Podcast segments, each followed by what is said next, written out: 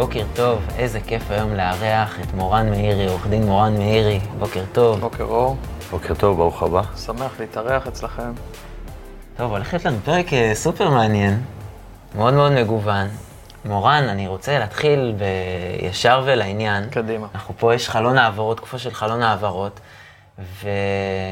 ואחד התפקידים שלך מעבר לעורך דין של מכבי תל אביב, ובעל משרד עורכי דין גדול, אה, אתה שופט בפיפ"א, ולא עם המשרוקית. נכון. אני שופט בגוף שנקרא Player Status Committee, אה, אחד משלושים בעולם. אני חושב שאני הישראלי הראשון ש... שהגיע לזה. אה, הגוף הזה דן בסכסוכים בינלאומיים בין מאמנים לקבוצות. לצורך העניין, אם תיאורטית פפ גואדיולה יתבע מחר את מנצ'סטר סיטי, זה מגיע לאחד מהשלושים. או אה, כל מה שקשור להעברות קטינים. אני, בגלל שאני בתחילת הדרך, קיבלתי את העבודה הפחות נחשבת בשלב הזה, ובעיקר ההתמחות כרגע, הדברים שאני מתעסק בהם בשלב הזה, זה השנה הראשונה שלי, זה כל מה שקשור להעברות קטינים, וגם זה מייצר אה, סוגיות מאוד מעניינות. תכף נגיע לזה, אבל אה, עכשיו הייתה, יש, יש מלחמה בין רוסיה לאוקראינה, ויש פה מצב עם השפעה גיאופוליטית מטורפת, ובסופו של דבר מי מושפע? מנור סולומון. עבר עכשיו לפולאם, איך אה, בסופו של דבר פיפ"א התקינה סוג של תקנה שאפשרה לשחקנים זרים להשעות את החוזה שלהם ולהשתחרר. בוא תספר לנו קצת איך זה, איך זה עובד, איך אה, מנור הגיע לפולאם, הוא לא נרכש, יש פה הפסדים עצומים של כ-50 מיליון אירו לשכתר. הם יכולים לתבוע את פיפ"א גם? קודם כל הם, הם תבעו. Okay. אוקיי. למיטב ידיעתי הם הגישו תביעה באמת על 50 מיליון, זה לא אומר שהנזק הוא 50 מיליון. לא. אבל הגישו תביעה על 50 מיליון. המצב המשפטי הוא שבאמת אה, בחוסר ברירה, אה, פיפ"א הייתה צריכה למצוא פתרון לאותם שחקנים ומאמנים שלא יכולים לבצע את המקצוע שלהם. עכשיו, כדורגלן הוא, הוא לא איזשהו עובד רגיל. כדורגלן, כל יום שהוא לא מתאמן, וגם לא מופיע בפני הקהל שלו, אז נגרם לו נזק. יש פה מצב של נזק דו צדדי גם לקבוצה וגם לשחקן. נכון, ופה זה... זה מקרה שבאמת זה נכפה עליהם. זה איזשהו פורס מז'ור, איזשהו אירוע חיצוני ש, שגורם לקבוצות הכדורגל להיות במצב שאין להם שליטה וגם לשחקנים. והיו צריכים למצוא פתרון הגיוני, אה, ופיפ"א התקינה תקנה שאומרת, אה, בעיניי בחוכמה, שהחוזים מושהים, הם לא בטלים, הם מושהים. התקנה הראשונה הייתה עד לסוף העונה הנוכחית, ועכשיו הם האריכו את זה בעונה נוספת.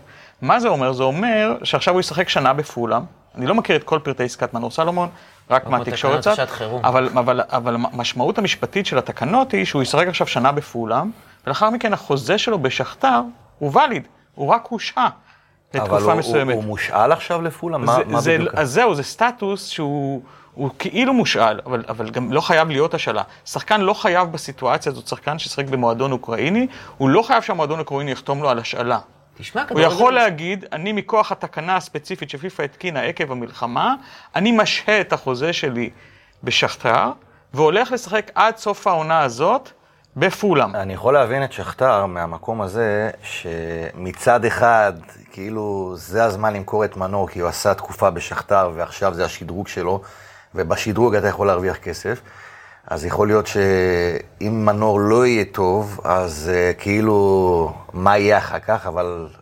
נכון, ההפך הוא... אם הוא לא יהיה טוב... אם הוא יהיה טוב, אבל... אז אולי שכתר יכולים להרוויח מכל הסיטואציה. וחס וחלילה אירוע של פציעה. נכון. כן, או הרבה דברים שלא עלינו יכולים לקרות, אבל, אה, אבל מה יהיה באירוע כזה, כן?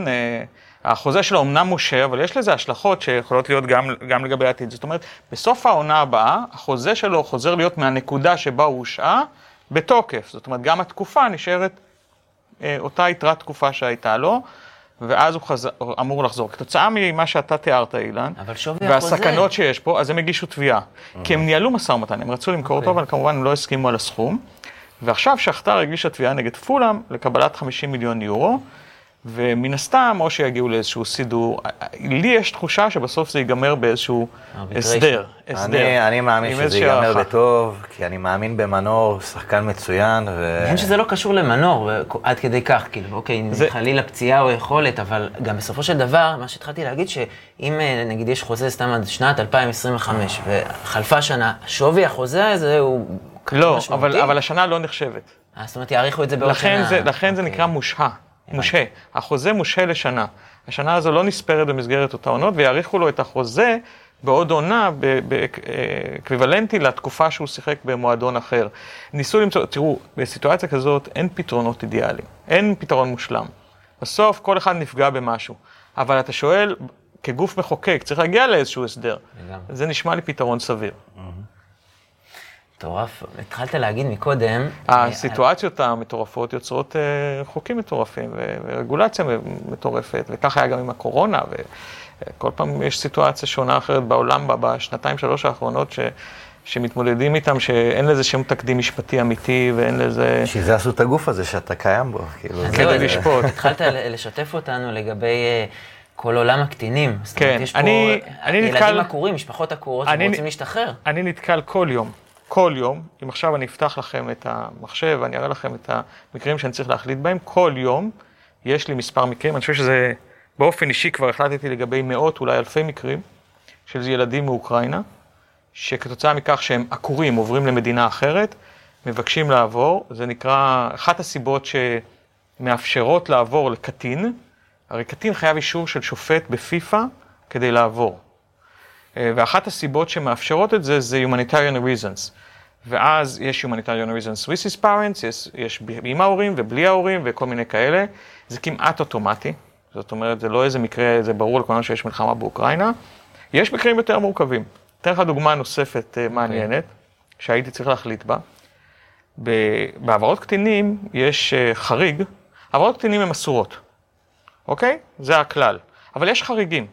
למשל, אם ההורים עובר, עוברים עקב הצעת עבודה שיש להם. למשל, חילופי אה, סטודנטים, אה, תלמידים במדינות, אבל צריך להוכיח את זה, ובאמת יושבים אה, צוות בפיפ"א, אני מקבל את החומר כשהוא כבר מוכן ולעוס, ו... ואז אתה צריך להחליט האם המקרה עונה על הקריטריונים שיש לחריגים. המקרה נוסף שנחשב חריג זה, אם אתה משחק במקום שהוא 50 קילומטר, או לא יותר מ-100 קילומטר מ- מהמקום שבו אתה חי. לא יודע אם אתם יודעים, למשל, אנטוני גריזמן, שהוא משחק בנבחרת צרפת, הוא גדל במחלקת הנוער של אתלטיקו מדריד. איך זה קרה? כי הוא גר בצרפת, במקום, במקום שהוא פחות מ-100 קילומטר אתלטיקו מדריד. או... סוסיידד. בסוסיידד, כן. נכון, סוסיידד, סליחה, פ- פחות מ-100 קילומטר, ואחרי זה הוא הגיע, מ- מסוסיידד. וכך, כתוצאה מהתקנה הזו, הוא קיבל אישור לעבור, כן? עכשיו, אני אתן לכם דוגמה מה קורה היום. אוקיי. אם אני צריך למדוד 100 קילומטר מרוסיה, בתוך אוקראינה, מאיפה מודדים? מהם הגבולות? אף אחד לא יודע. עכשיו, זה מקרה שנתקלתי בו. פוטין יודע. זה מקרה שנתקלתי בו, אוקיי. ואתה צריך להחליט. בגדול, עזוב רגע את מה אוקראינה הם ורוסיה. הגבולות שמאפשרות לשחקן אוקראיני, או לה- להתאחדות הרוסית, להגיד זה נחשב 100 קילומטר? עכשיו, זה שאלות שמגיעות כבר להיבטים פוליטיים גם. מי מגדיר את זה? עזוב רגע, אבל את המקרה באוקראינה, אה, נגיד עכשיו שחקן, נגיד, סתם דוגמה, משחק בצ'כיה, ורוצה ללכת אה, לשחק בצרפת, כי ההורים מרגישים שהוא באמת אה, שחקן עם בעל פוטנציאל. אם ההורים לא מוצאים עבודה בצרפת, לפי מה שאתה אומר, יכול מצב, להיות מצב שה... לא, אני רוצה לדייק אותך, אילן. אוקיי. זה לא שהם ימצאו עבודה ויעבירו אותו, זה צריך להיות הפוך. שהם קיבלו הצעת עבודה, וכתוצאה מכך הוא נאלץ לעבור. אה, הבנתי. עכשיו, אתה צודק. אתה צודק בזה שאתה מחדד את הסוגיה הזו, כי הרבה פעמים משתמשים בזה כדי למשוך כישרונות, למשל, ידוע הסיפור של מסי, כן, שהגיע לברצלונה בגיל 14, וגדל בלמסיה באקדמיה, וכתוצאה מזה שלאבא שלו הייתה הצעת עבודה, אבל, אבל אה, להגיד לא לך... באמת. אני לא בדקתי את העובדות, אבל זה כנראה... יכול להיות שיצרו לו הצעת עבודה. בדיוק, כן, כנראה שיש יש איזשהו משחק כזה. התפקיד שלי כשופט, אגב, אה, יחד עם הצוות שבודק את זה בפיפ"א, הוא לוודא שזה אמיתי. אה, ועושים את מירב המאמצים. יושב צוות מאוד רציני, ואני מקבל את החומרים, וזה בעצם הדברים, כי אנחנו צריכים תמיד להסתכל על טובת הילד. מדהים, זה סיפורים, אה, זה אשכרה, בלחיצת כפתור אתה משנה חיים של משפחה שלמה. לגמרי, אז אתה יכול אולי לספר לנו גם איך אה, קיבלת... אז יש לי, אני אגיד לכם כלל אחד, אוקיי. שאני בדרך כלל פעם בשבוע יושב ונותן את כל ההחלטות. זה עשרות מקרים בשבוע. אני כל יום מחליט לגבי ילדים מאוקראינה. אני לא, לא מסוגל לחיות עם התחושה שאני מעכב ולו יום אחד שילד לא מתאמן או לא משחק במועדון, והוא תחת מלחמה, אה, ואני אמנע ממנו עקב אה, עיסוקים שלי פה, לעשות את זה, אז כל יום אני יושב אה, או בערב או בבוקר ונותן החלטות לגבי המקרים שמגיעים מאוקראינה. התמנית לשופט בפיפ"א, נכון? כן. עכשיו, מעבר לזה שזה מאוד מאוד מסקרן ומעניין, זה גם בא לך ממקום של אהבה לספורט, זאת אומרת, כל הדחף, הדחף שלך בכלל לספורט, אני יודע שאתה בעצם עורך דין שהוא גם... אה, ספורט וגם אה, אה, עוסק בדברים אחרים, אבל ספורט, אתה יודע, להגיע לספורט זה גם, האם זה מאיזושהי אהבה שלך לספורט, או ש... כן, אני גדלתי בבית של מאמן כדורגל. אבא שלי, משה מאירי, הוא מאמן כדורגל, הוא היום פרשן, אני חושב, מוביל, בכיר של הכדורגל הגרמני. כל המשחקים של הכדורגל הגרמני כמעט הוא מפרשן, ליגה ראשונה וליגה שנייה. הוא מאוד מאוד מחובר לכדורגל הגרמני. כשאני הייתי ילד, הוא היה מקבל כל שבוע קלטות וידאו, ואני הייתי יושב ורואה איתו. תקצירים של משחקים מהליגה הגרמנית. מדבר איתכם על שנות ה-70-80, וכל נסיעה לגרמניה תמיד הייתה מלווה בביקור, בכדורגל, יש לו הרבה חברים שם, הוא ממש, עכשיו הוא טס השבוע, הוא מוזמן לטקס אה, פתיחת העונה כל שנה עם הסופרקאפ, והוא מוכר, והוא מיניגה, ובאמת הוא מכיר אותם באופן אישי, וגדלתי בבית שאבא שלי אימן כדורגל, ואני מאוד אוהב, מאוד אוהב כדורגל. אם אני לא טועה, עם הפועל רמת גן הוא מאוד מוכר. גם הוא היה בפועל רמת גן. כן. אני כילד זוכר אותו. בפתח תקווה, כן. אז אה, דרך זה, זה זרם אצלי בדם, וכל הבית היה סביב זה. ואנחנו אוהבים מאוד כדורגל, כן, זה בילוי, והיו לי עשרות נסיעות עם... אה, אני, אני בשנת 82, אותי לקחו לגביע העולמי אבא שלי, ולראות את פאולו רוסי ואת מרדונה בגיל 16. מצב זה המונדיאל הכי טוב שהיה אי פעם. יכול להיות. שלא לא ראיתי אותו בעצם, אבל עשרות נסיעות, עשרות נסיעות היו סביב הכדורגל, אה, ואנחנו מאוד אוהבים את זה, זה משהו שהוא... אה, גדלתי איתו. מורן, תוכל לספר איך, אה, איך התמנית לשופט בפיפ"א? בסופו של דבר דיברת, אתה אחד מתוך שלושים, והראשון כנציג ישראל. כן, די, זה, זה די... זה קורה אה, פעם בארבע שנים, שממנים למוסדות פיפ"א. אה, פיפ"א עושה איזשהו, מוציאה קול קורא, הוא יוצא למעלה מ-240 התאחדויות. אה, הוא יוצא לכל מה שנקרא stakeholders, לארגון השחקנים, ה FIFPRO, הוא יוצא לארגון המנהלות. בין היתר הוא יוצא גם לארגון שנקרא ECA, זה ה-European Club Association, זה ארגון די חזק, זה ארגון שבראשו עמד אה, נשיא יובנטוס עד הפרשה שבה ניסו להקים את הסופרוליג, והיום עומד נשיא... נלי, לא משנה. היום עומד נשיא פריס סן ג'רמן. אה, אוקיי. זה גוף מאוד רציני. אה, רומיניגה הוא נשיא הכבוד שלו. בגוף הזה, קודם כל, שרון תמם, שהיא המנכ"לית של מכבי תל אביב, התמנתה לבורד מטעם הקבוצות שהן ב-level של מכבי תל אביב, שזה מכובד מאוד מאוד, זה גם לא פשוט.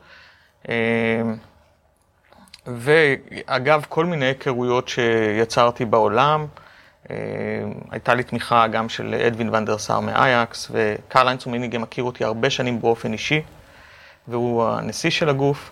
והגשתי את המועמדות יחד עם עוד מועמדים שונים באירופה. זה, זה, ההתאחדות הישראלית הגישה גם מועמדים, אבל ידעתי שהסיכוי דרך ההתאחדות הישראלית הוא לא גבוה לצערי. אני בחרתי לעשות את המסלול שלי דרך ה-ECA, שכאשר יש לך המלצה מה-ECA להתקבל, אז הסיכוי שלך בתוך מוסדות פיפ"א הוא הרבה יותר גבוה. כי תחשבו שהגוף הזה של הקבוצות מציג מועמד, והקורות חיים, וה-CV, וההמלצות, ודנו בזה בתוך ה-ECA, ואנשים שמכירים אותי ידעו להמליץ. וכתוצאה מזה הייתי, כתוצאה מכך הייתי המועמד היחיד של ה-ECA, ומשם הדרך כבר הייתה קלה. מדהים, אילן, אנחנו אז בחלון העברות, ויש פה איזו שמועה קצת הזויה, אתלטיקו, מדריד, רונלדו, מה אתה אומר, יקרה, לא יקרה? אני חושב שהבנו בימים האחרונים שאתלטיקו זה לא יקרה. האמת שרונלדו נמצא במצב מאוד מאוד מאוד הזוי, כי מצד אחד שחקן אדיר, אבל uh, ממש כבר uh, לא אותו רונלדו שכולם מכירים. Uh, אני חושב שהבעיה של רונלדו זה שהוא הוא לא מבין כנראה שקבוצות, מצד אחד, רונלדו אצלך בקבוצה זה וואו, מצד שני, למאמן שהולך להיות מאמן שלו, זה הולך להיות קשה מאוד. כי... להתאים את כל הקבוצה אליו. כן, נכון. וזה די בעייתי לשחקן ב... ב-level הזה, הוא נמצא בבעיה מאוד מאוד גדולה. אני אגיד לך משהו, אני קראתי כמה כתבות, מאמרים סביב זה, ואיך מנסים בעצם לממן את העסקה הזאת, כי זו לא עסקה פשוטה מבחינת השכר, וזה משהו שקורה גם בישראל, בעולם, והיו כמה שחקנים שנשפטו על כך. אתו, ומסי, ורמוס. זאת אומרת, לוקחים את השכר, את מרכיב השכר, לעומת הזכויות הספורטיביות והמרצ'נדייז. ויש פה איזה תכנון מס סביב זה, שהוא בעצם רשות המיסים, בוא נגיד, לקחה כמה שחקנים פה בישראל, מאור בוזגלו, זה הכל מפורסם, אני לא פה ממציא שום דבר, פורסם בגלובס וכאלה, מאור בוזגלו, אליניב ברדה, שממש עשו את הפיצול הזה, ורשות המיסים קבעה שזו עסקה מלאכותית, אוקיי? שהזכויות הספורטיביות האלה הן למעשה פיקציה, וזה היה במיוחד שהם חתמו אה, כשהם היו שחקנים חופשיים. חשוב אה, גם לדייק את זה. ורשות המיסים קבעה שמדובר בעסקה מלאכותית, ששיעור המס צריך להיות המס השולי שחל על שכר העבודה, ולא כמס רווח הון על כרטיס הזכויות הספורטיביות. עכשיו, רונלדו הוא מותג ענק, ובאמת הזכויות הספורטיביות שלו, יש לזה באמת היגיון כלכלי מטורף. אבל איך אתה רואה את הדברים האלה בישראל וגם בעולם? קודם כל, אני יודע שזה תחום ההתמחות שלך, אז אם הייתי צריך עצה בדבר הזה, הייתי מתקשר אליך.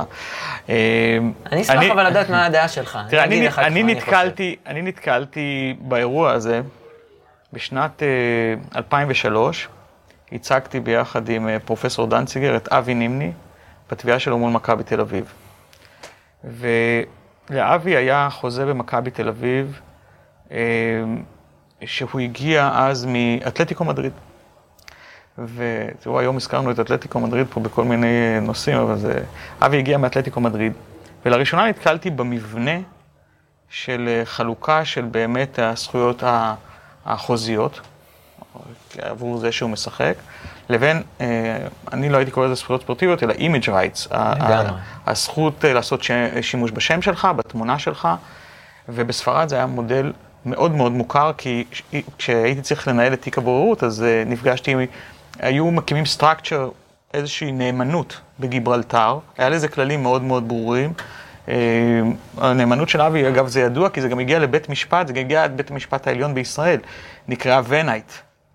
אה, עם הוראות, איך אפשר לנהל את זה, עבור מי זה, זה trust ממש לפי כל הכללים שמקובלים בכל מיני עסקאות, לא רק בעסקה הזאת, וזה היה מודל מקובל אז.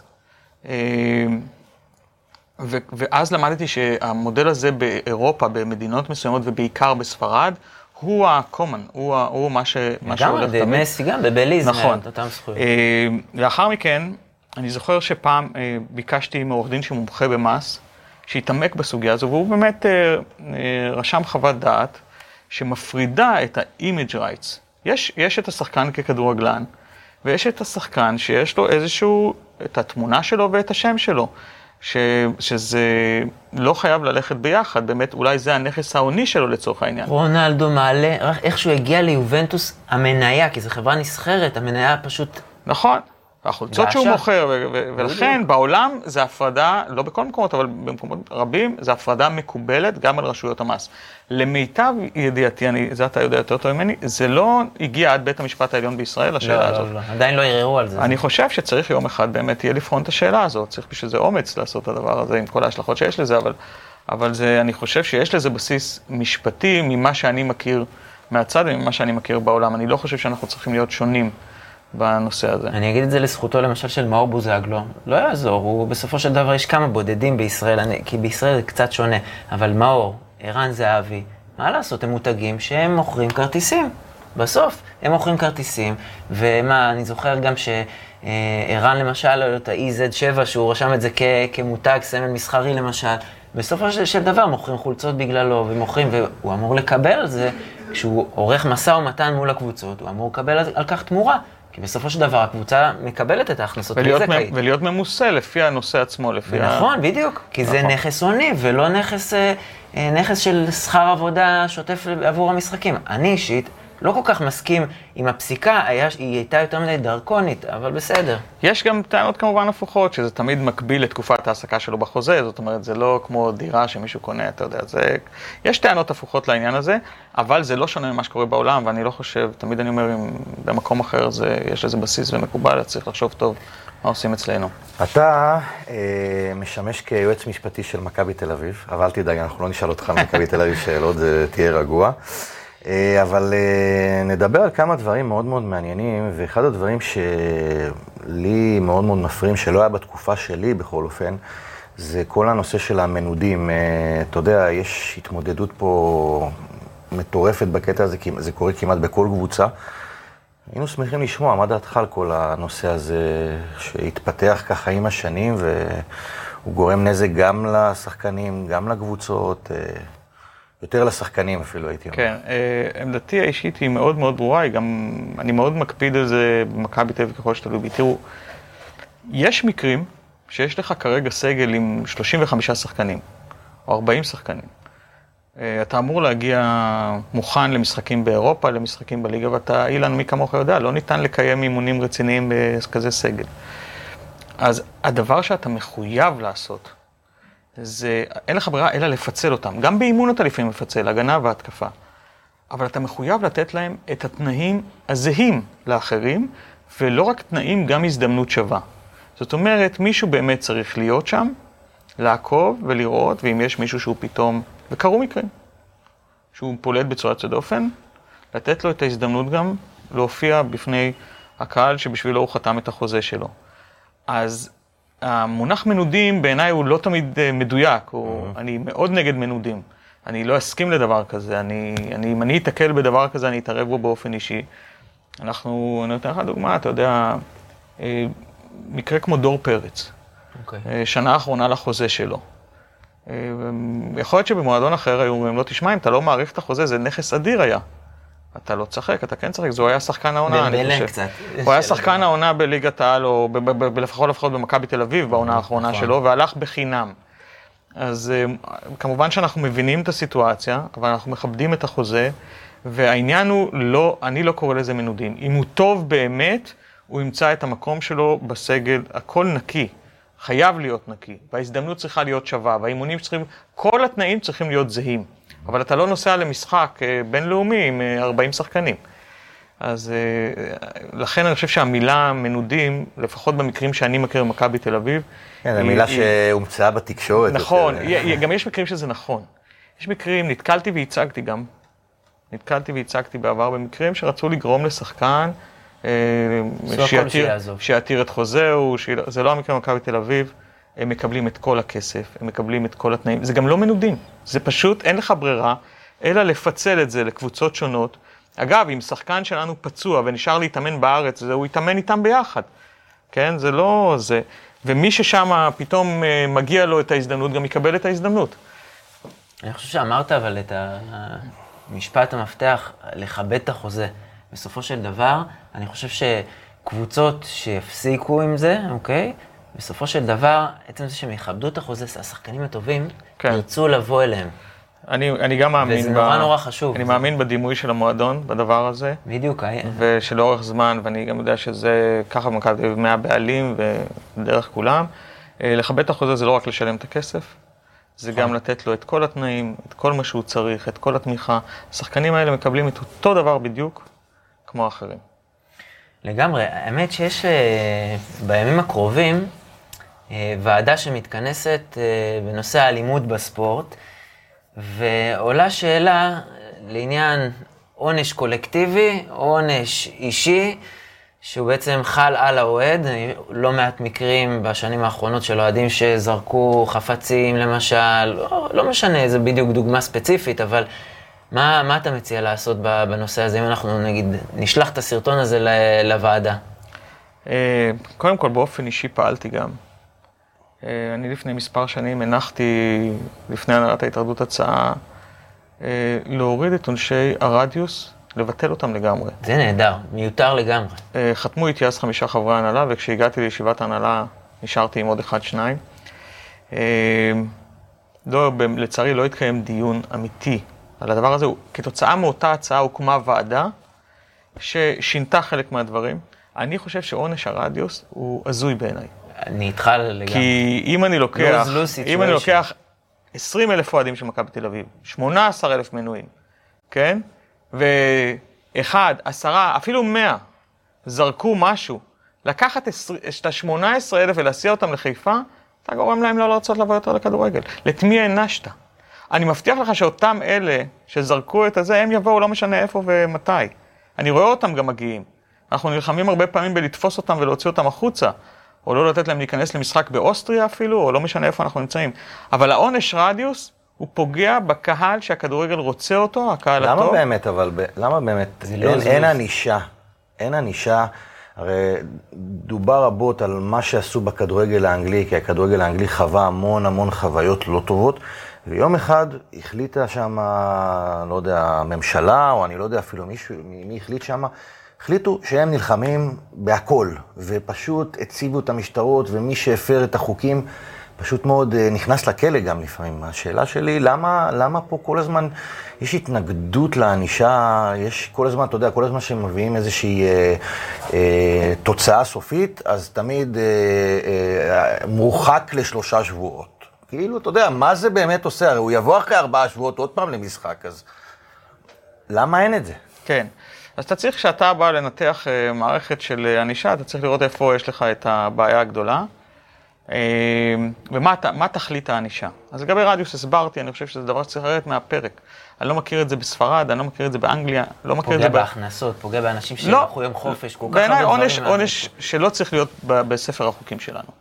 ואני אגיד את זה ואני אמשיך להגיד את זה בכל מקום.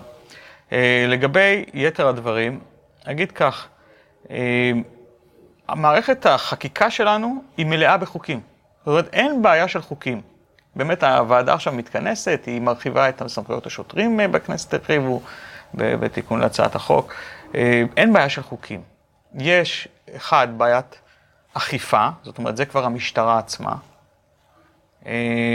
וגם המועדונים. זאת אומרת, יש את האכיפה העצמית, אני קורא לזה. לפעמים יש דלת מסתובבת. אה, מרחיקים, אבל ניתן לו להיכנס ממקום אחר, נראה להתאחדות שהרחקנו, או כל מיני כאלה. אני יכול להגיד לך, אצלנו זה לא קיים. זה לא קיים ברמה שיש לנו צוותים שלמים, לפעמים מגיעים עשרה מאבטחים למשחק, שכל מטרתם היא לאתר את אותם אלה שמנסים להסתנן כשהם מורחקים, אוקיי? איך אפשר לעזור לנו לזה? למשל, אם היה מערכת לזיהוי פנים בבלומפילד, אז... אה, אתה יודע מה אני ראיתי? בא אליי אה, חבר'ה, לא חשוב בדיוק השמות, לא רוצה חיסיון, עורך דין לקוח, אבל באו אליי, אתה בטוח מכיר, אבל חבר'ה שבאו אליי עם הון כולה כזאתי, וראו פתאום את, ה, את הדרבי במשקפיים של, אה, אתה יודע, בתלת מימד, ואני ראיתי את האוהדים רוקדים, ואת כולם, וכל מי שעושה שטויות, וזורקים דברים, רואים הכל.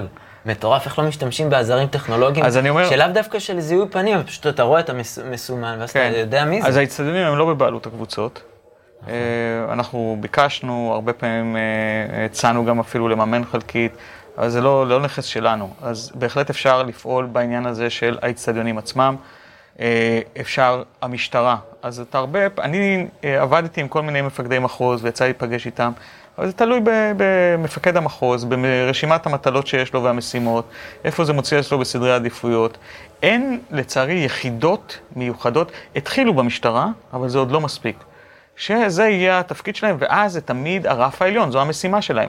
אבל אם אתה בא לשוטרים שבבוקר צריכים לעצור על רצח, ובערב הם צריכים להתעסק עם אוהד שזרק מצית, אז הכל בפרופורציות שלהם הוא... אז הוא יגיד, זרוק מצית, תעזוב אותי בשקט. זה לא כמו שאנחנו רואים את זה. זה נכון. כן. והדבר השלישי זה בתי המשפט. אה, גם שופט שבבוקר צריך לדון במקרה של אה, אה, אונס, ובין לבין מביאים לו הרחקה של אוהד ש... אז הוא אומר, מה בחור נחמד, אני, מה, אני ארחיק אותו לשבועיים שלושה, ואנחנו רוצים שהוא ירחיק אותו לשנה, כן? אז הבעיה שצריך שופט מומחה לענייני ספורט. צריך להרים את הכפפה הזו, מישהו שזה התפקיד שלו.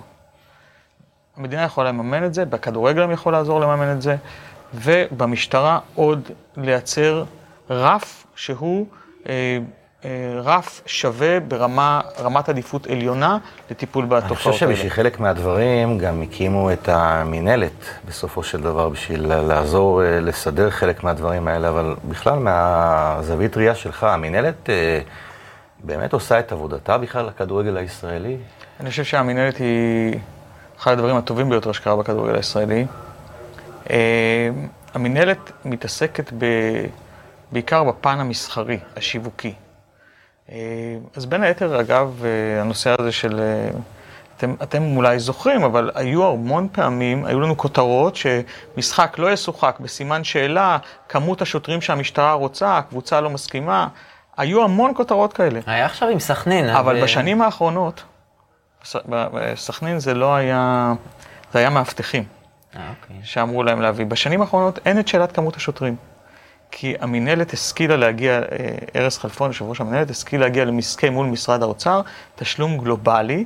זאת אומרת, אין יותר את המתח סביב כמות שוטרים סביב משחק. האחריות היא של המשטרה, יש צ'ק אחד קבוע, ונגמרה הבעיה של הקבוצות.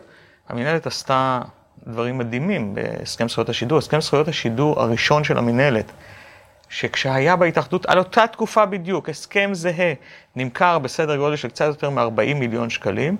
במכרז הראשון של המינהלת, אותו הסכם בדיוק לאותה תקופה נמכר ב-127 מיליון שקלים. היום מועדונים יכולים להתקיים כמעט מהכנסות עצמיות לבד. יש כאלה כבר שקרובים לזה, לא רחוקים מזה.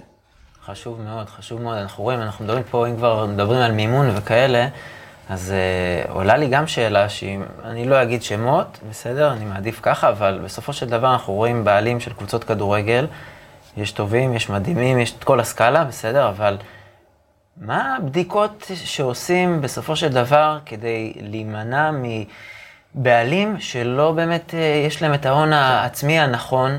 ושנכנסים ל... ו... והורסים קבוצות בסופו של דבר, ותראה איזה בלאגן יש, כן, כולם יודעים, אני לא צריך להגיד שמות באמת. אלה דברים שנמצאים דווקא במגרש של ההתאחדות ושל של המינהלת, הוועדה להעברת זכויות, נכון. הבקרה התקציבית, אלה שירותים בעצם שהמינהלת אמורה לקבל מההתאחדות. אני חושב שנדרש שיפור גדול.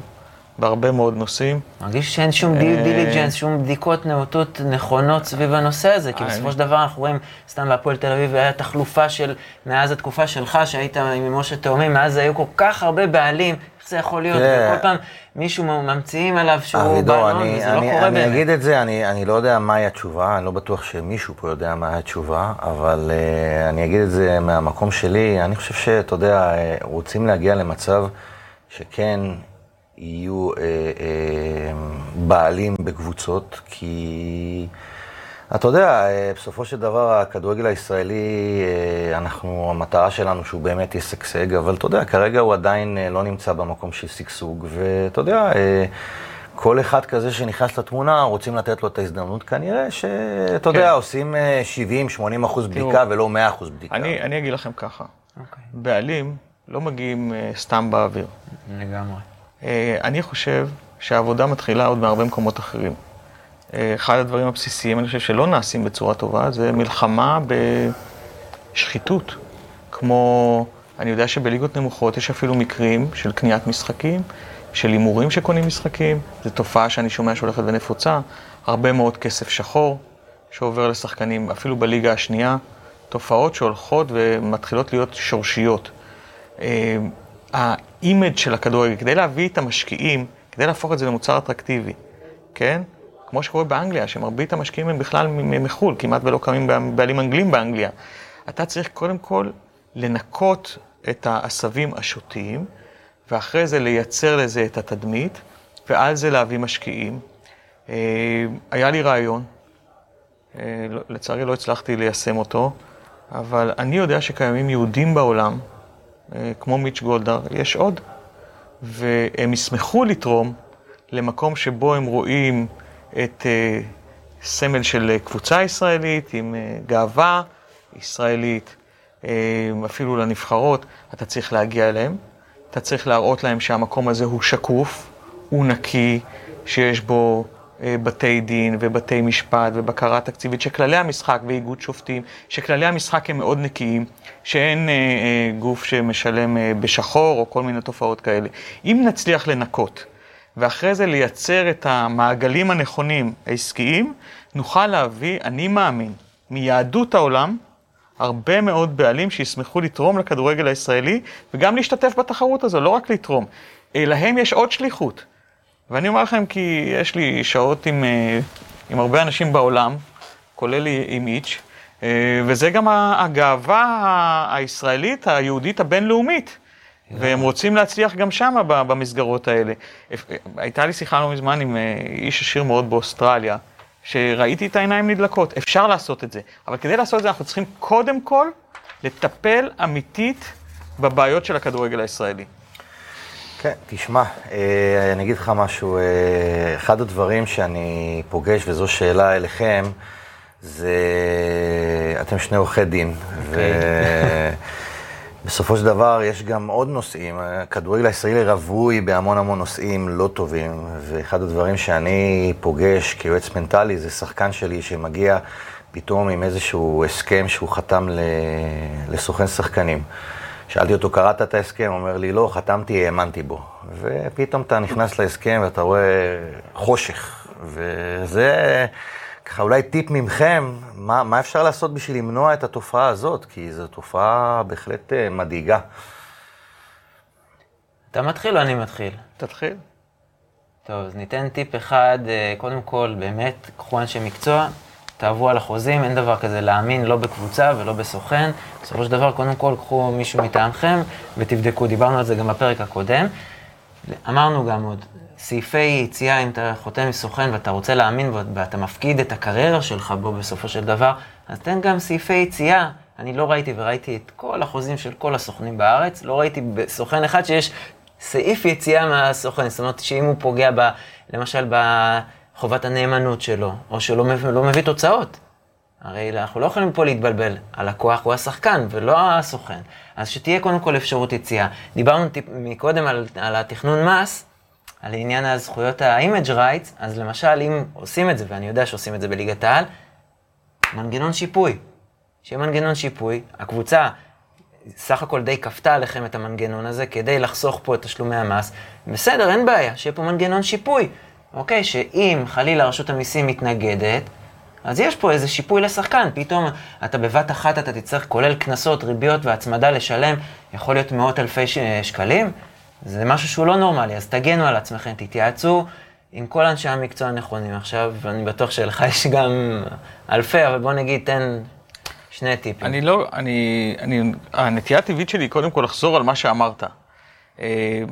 אה, אני, יש לי קורס אה, משפט וספורט כבר למעלה מעשר שנים במכללה למינהל שאני מרצה בו, אה, ותמיד אני אומר לכל הסטודנטים שלי, תביאו כל קורס שאתם רוצים, חוזים, חברות, קניין, אני אראה לכם שהרגולציה בספורט היא הגדולה ביותר. מיסים, פלילי, לא חשוב מה תיקח.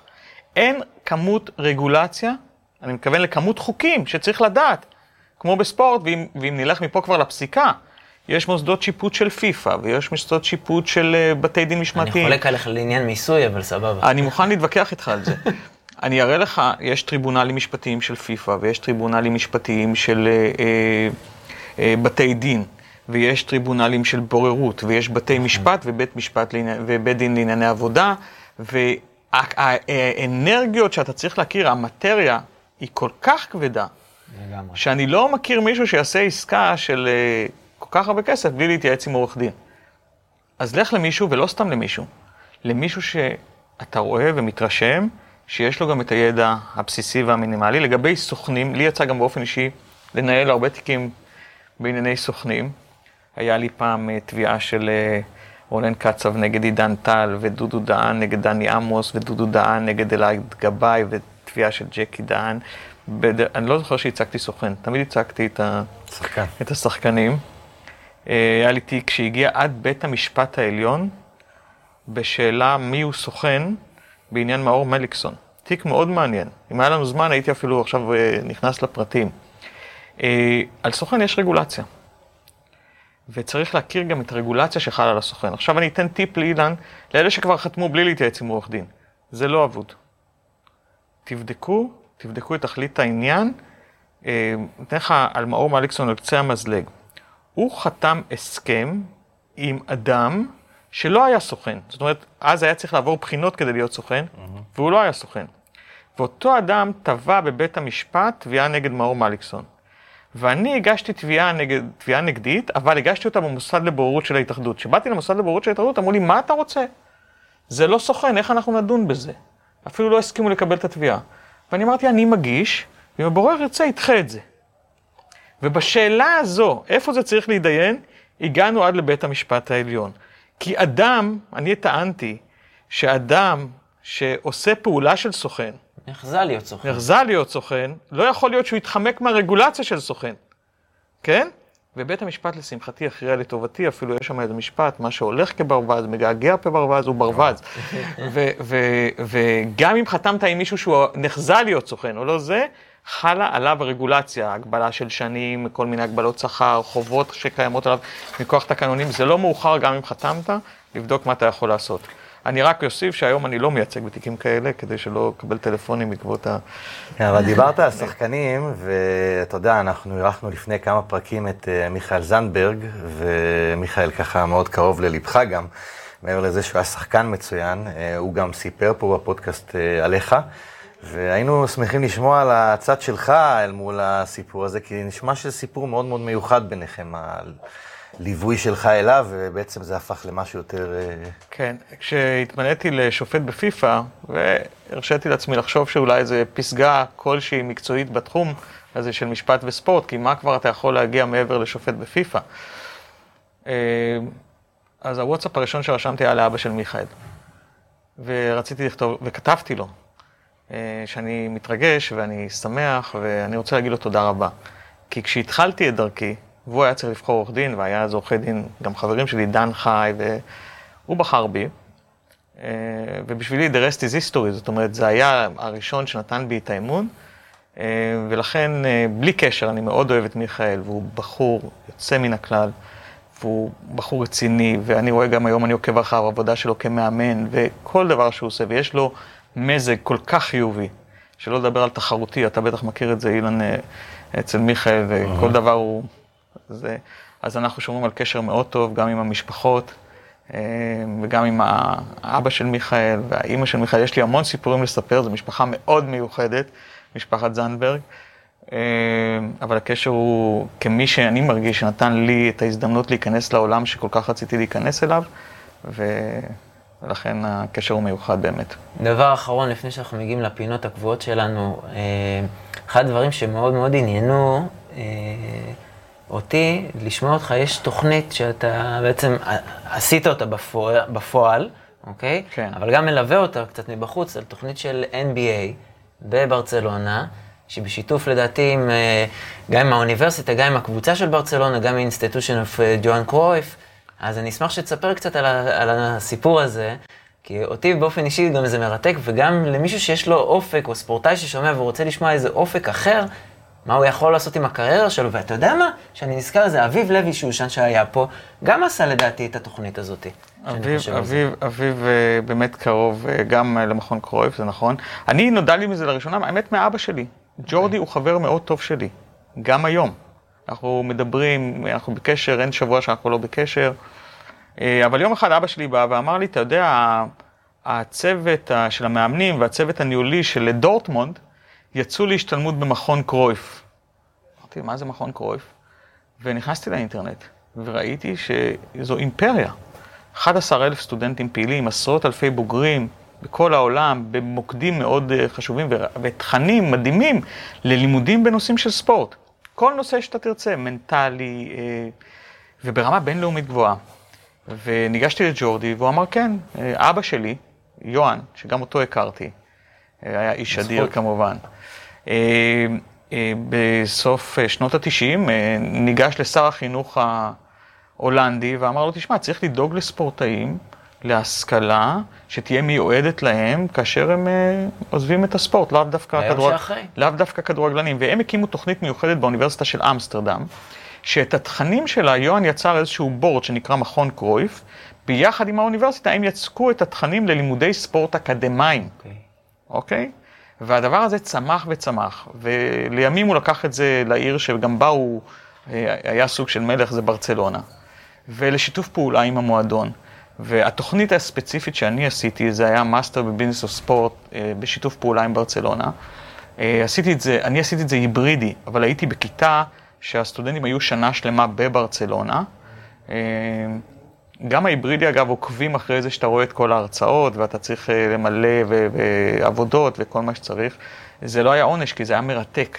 זה היה מרתק, ועד היום יש לי איזשהו חלום, ואני רוצה לעשות אותו, להביא חלק מהמרצים לסדנאות בארץ. אני זוכר שקיבלתי הרצאה מראש מערך ה scouting אה, והאנליזה של אה, ברצלונה, אה, שדיבר על מחקר שהם עשו והראה לנו אותו, על המשמעות של אזורים חמים ואזורים כחולים במגרש, ועל התנועה של מסי ללא כדור ואיך היא משפיעה על, המשרה, על המשחק. זה מחקר שזכה בפרס ראשון ב-MIT, זה הפרס הכי נחשב למחקרים בספורט. אוקיי? ואז אתה רואה את כל מחלקת האנליזה וה scouting של ברצלונה, 39 אנשים, ומי עושה מה, ומבקר בפועל, ו, וממש מרגיש ויורד וצולל לפרטים, ואתה מבין שהאתגר היום הוא לא הטכנולוגיה, אלא איך מנגישים את הטכנולוגיה למאמן, הרי יש כל כך הרבה מידע, יש כל כך הרבה מידע תוך כדי משחק. מה מביאים לו לעוס בשניות האלה שהוא צריך לקבל החלטה ובמחצית? אלה האתגרים שצריך להתמודד איתם היום. ואיך אתה אוסף דאטה על השחקנים, על המצב הפסיכולוגי שלו והמצב הרפואי שלו והילדים שלו, כל מה שעלול להשפיע על המסגרת. אה, כדורגל נשים, כן? הם הגיעו למצב שכשהייתי שם, היה משחק העונה בין ברצלונה נשים לאתלטיקו מדריד, בוונדה מטרופוליטן של אתלטיקו מדריד סולד אאוט, אין כרטיסים. אה, שבוע עכשיו תשיג. ועכשיו, ו- ואתה רואה איך בכל תחום, והיחסים האוהדים, והכרטיסים, ולמצוא את הספונסר הנכון. ספונסר, מה שאני עד אותה תקופה חשבתי, נביא קשרים, מישהו שאוהד את מכבי, אז אולי הוא יהיה ספונסר, זה לא עובד ככה.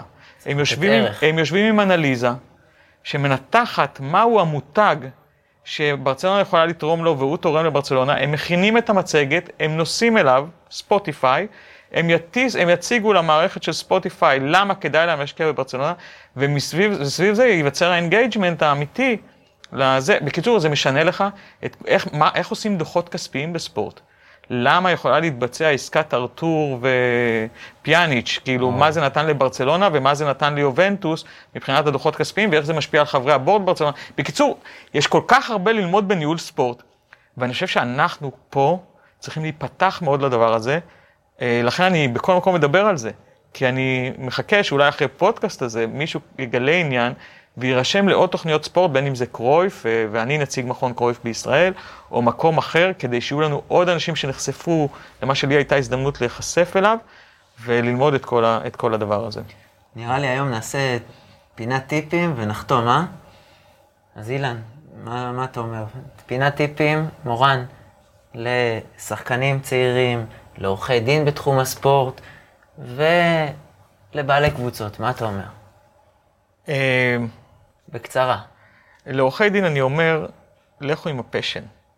ואני אגיד את זה, אני עורך דין מסחרי. ולא מזמן מכרתי, ממש לאחרונה, חברת ביטוח ב-502 מיליון וזה. לא משנה איפה אני, הייתי בבורד של אלעל או כל מיני כאלה, יתקשרו אליי ויגידו לי, משהו קורה במכבי תל אביב, אני עוזב הכל, כי ה passion נמצא שם. וכשאתה נמצא ב passion ויש לך תיק כמו רייקוביץ', אני זוכר את זה, ואתה מחפש לייצר את התקדים המשפטי, אתה שבוע שלם יכול לא לאכול, לא לשתות, באותו שבוע הילדים לא רואים אותך, אתה צולל עם passion, אתה סביב זה, אתה חי את זה, אתה ישן את זה. ואם אתה עושה את זה במקום שיש לך את passion ואתה אוהב את זה, אתה תעשה את זה הכי טוב. אז אם אתם לומדים משפטים, אתם אוהבים את זה, לכו על זה, כי שם אתם תהיו טובים, זה הפשן שלכם. לשחקנים צעירים, אני אומר, תמיד המעטפת. הליווי הנכון. אה, תמיד אוהבים לדבר על הורים, אני נתקל בזה, אה, זה דרמטי. זה דרמטי, זה ההבדל בין להצליח או לא להצליח.